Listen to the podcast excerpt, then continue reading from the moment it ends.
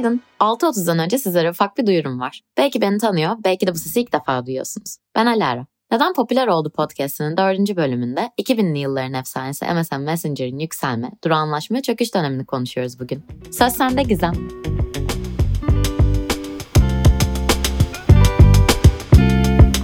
Günaydın Alara, ben de bu hatırlatma için teşekkür ediyorum. 19 Ekim çarşamba sabahından herkese günaydın. Hafta ortasında bulunduğunuz mekanlara ulaşan sesin sahibi ben Gizem'le yepyeni bir Apostol 630 yayınındasınız.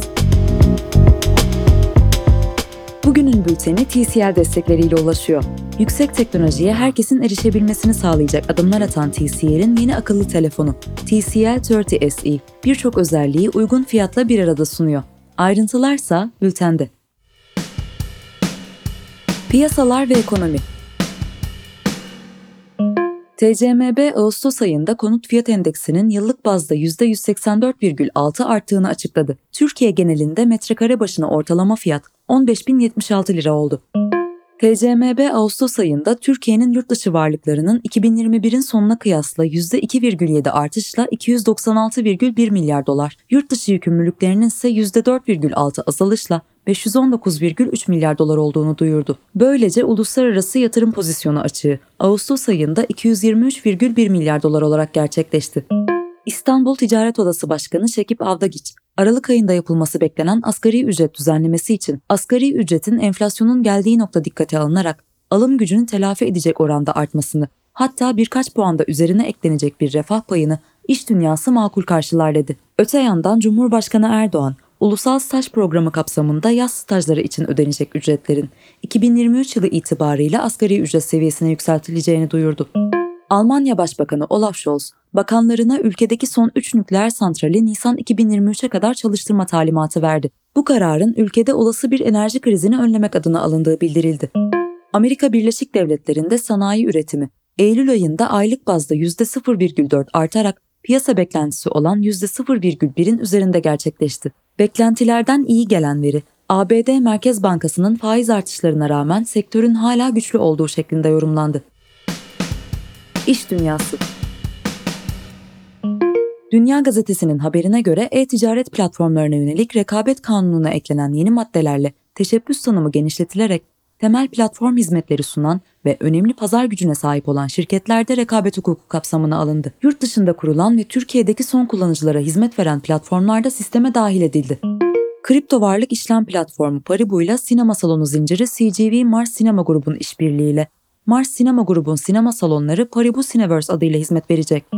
Avrupa Otomobil Üreticileri Birliği'ne göre Avrupa Birliği, Birleşik Krallık ve Avrupa Serbest Ticaret Birliği'nde otomobil satışları Eylül ayında yıllık bazda %7,9 artarak 1,05 milyona ulaştı. Ancak satışlar 2019 seviyelerini yakalayamadı.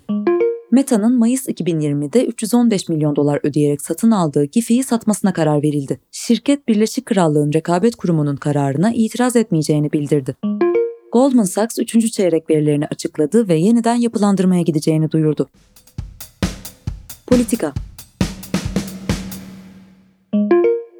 Cumhurbaşkanlığı İletişim Başkanlığı bünyesinde dezenformasyonla mücadele birimi kuruldu. Birimin yayımladığı dezenformasyon bülteninde Bartın'da meydana gelen 41 işçinin hayatını kaybettiği maden kazasına ilişkin Sayıştay raporlarında yer alan uyarıların yerine getirilmediğine yönelik haberler dezenformasyon olarak nitelendi. Ayrıca bültende haftanın yalan haberleri başlığı altında haberler de yer aldı.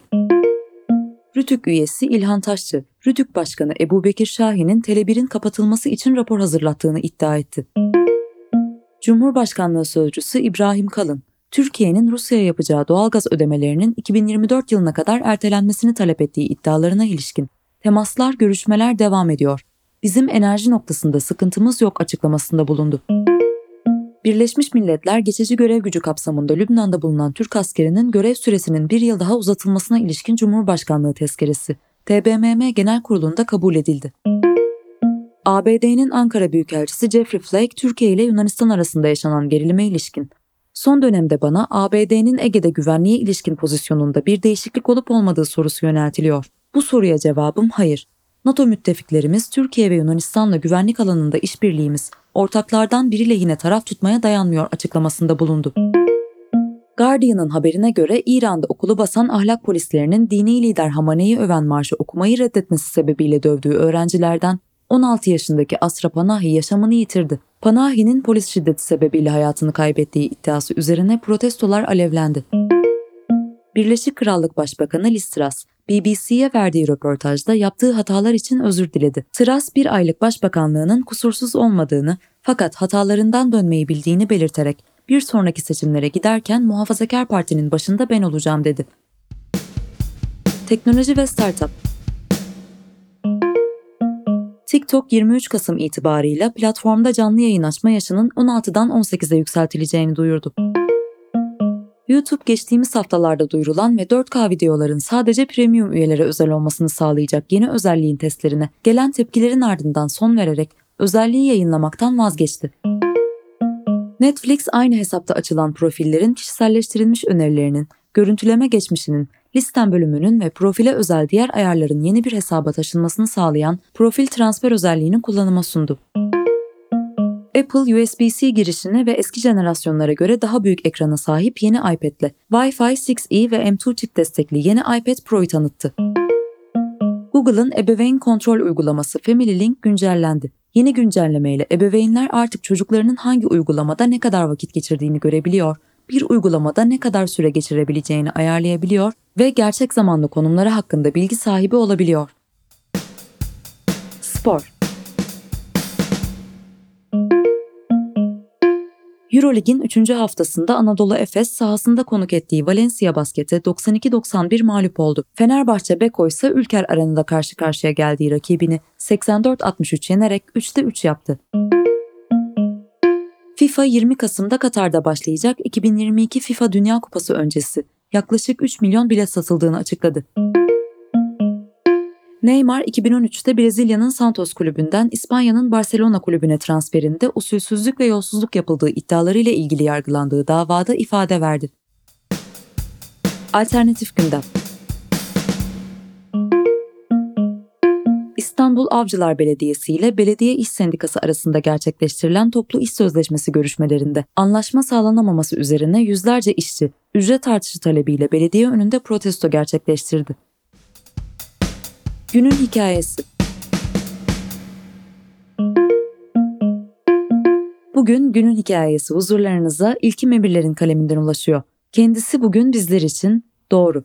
Peki kime göre isimli bir yazı kaleme almış. AK Parti ve MHP'nin dezenformasyonla mücadele amacıyla hazırladığı sansür yasası olarak da adlandırılan basın kanunuyla bazı kanunlarda değişiklik yapılmasına dair kanun, TBMM'de kabul edilmesinin ardından Cumhurbaşkanı Erdoğan'ın onayıyla resmi gazetede yayımlanarak yürürlüğe girdi. Yasa hem basın çalışanları, hem siyasiler, hem de vatandaşların tepkisini çekti. Peki bu yasadan önce basın özgür müydü? Bu yasa basın özgürlüğünü engellemeye atılan bir adım mı, yoksa basın özgürlüğüne vurulan son darbe mi?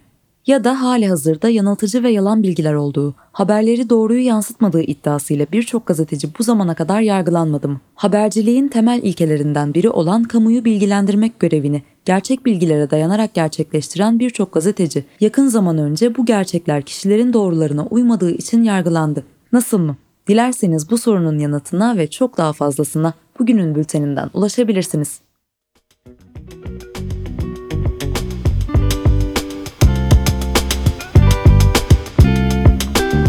19 Ekim Çarşamba gününde Aposto 6.30 yayınında ben Gizem sizlerleydim ve bugünlük de birlikteliğimizi burada noktalıyoruz. Hepinize sağlıklı günler diliyorum. Hoşçakalın.